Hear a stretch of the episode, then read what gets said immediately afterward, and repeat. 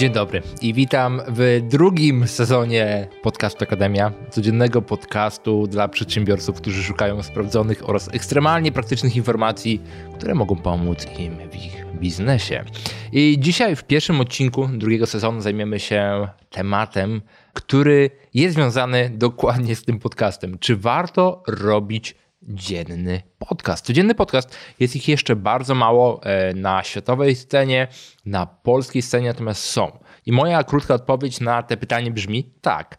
Natomiast trzeba pamiętać o kilku ważnych rzeczach. Pierwsza rzecz jest taka, że Słuchanie codziennie czegoś o tej samej porze, jadąc do pracy, wracając z pracy i tak dalej, buduje nawyk. Buduje nawyk i buduje pewną formę przywiązania odbiorcy z osobą, która tworzy dany podcast. I nawet jeżeli mamy tych odbiorców zdecydowanie mniej niż byśmy robili zaawansowane produkcje, które są tworzone ze scenariuszem i z innymi rzeczami, to i tak będziemy budować bardzo silną relację z pewną grupą odbiorców, na przykład ja z tobą.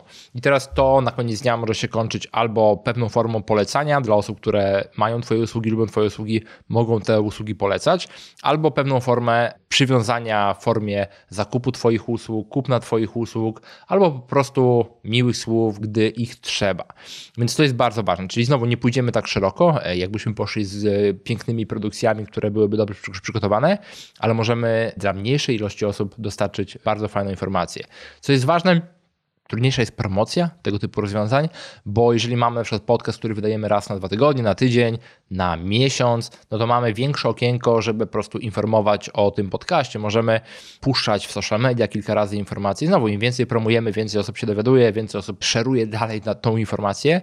Natomiast w chwili, gdy mamy to codziennie, no to już e, ewentualnie nawet jak wrzucimy codziennie wpis w social media, to po pewnym czasie zaczyna to przytłaczać naszą publikę i zaczynają to odsubskrybowywać. Natomiast ważne jest to w takim wypadku, żeby po prostu dzielić się w odpowiednich miejscach, na przykład na liście mailowej. Ja lubię wysyłać e, podsumowanie e, moich rzeczy na listę mailową, albo po prostu raz na jakiś czas wrzucanie informacji w social media. Kolejna rzecz, że w chwili, gdy pracujemy z takimi podcastami, powinniśmy myśleć o dwóch kolejnych rzeczach. Czyli pierwsza rzecz to są proste informacje prosto z głowy, druga rzecz to są nagrywania batchowe. Proste informacje, czyli znowu, jeżeli będziemy poświęcać, załóżmy pół dnia, żeby wyszukać informacji na codzienny podcast, no to to nie o to chodzi. Chodzi o to, żeby po prostu móc dostarczyć szybko sprawdzoną wiedzę, sprawdzone informacje, to czego się nauczyliśmy w szybki sposób i pójść dalej. Co też jest związane z tym, że przy podcastach codziennych musimy pracować batchowo. Batchowo, czyli bierzemy e, załóżmy 7 dni, 14 dni, 31 dni i nagrywamy je za jednym posiedzeniem. Czyli przygotowujemy sobie tytuły, notatki, bardzo e, skromnie kilka punktów o tym podcaście i w ten sposób jesteśmy w stanie tworzyć ten podcast za jednym posiedzeniem. Czyli tak jak ja robię teraz, co będzie miało związek z późniejszym punktem. Siedzę w tej chwili przy swoim biurku w pracy. Siedzę akurat, bo mam tutaj więcej rzeczy, czyli mam mikrofon, mam e, dyktafon, który nagrywa informacje z mikrofonu. Mam duży monitor po swojej lewej stronie, gdzie widzę punkty, które mam przekazać i widzę lekcje. Dzisiaj nagrywam 7 lekcji.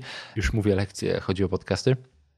I teraz ten jeden plik razem z moimi notatkami wędruje do osoby, która to edytuje. To jest znowu ważne, że w tym wypadku powinniśmy mieć osobę dedykowaną, która będzie to robiła. I teraz są na rynku specjaliści, w Polsce jest ich dużo, którzy są w stanie wziąć nasz podcast, posiąść go ładnie, pedytować, dodać muzyczkę z przodu, muzyczkę z tyłu, wrzucić w odpowiednie miejsce, opisać, otagować i mamy już podcast. Teraz znowu to, co bardzo polecam, jeżeli wybierzemy drogę w ogóle codziennego podcastu, to wybrać coś takiego, co się nazywa Anchor FM. Anchor FM dalej ciągle używam, ma swoich zwolenników, ma swoich przeciwników. Ja uważam, że to jest genialne narzędzie, gdzie możemy zaskedulować w bardzo prosty sposób e, dystrybucję podcastów. Czyli znowu wrzucamy w jedno miejsce, jednego dnia wszystkie pliki audio, opisujemy je i mówimy, ten ma się ukazać 18, ten ma się ukazać 19, ten ma się ukazać 20 i to będzie publikowane, plus sama platforma Anchor dystrybuuje to do iTunes i do wszystkich innych platform podcastowych, do Google'a tak dalej, i tak dalej.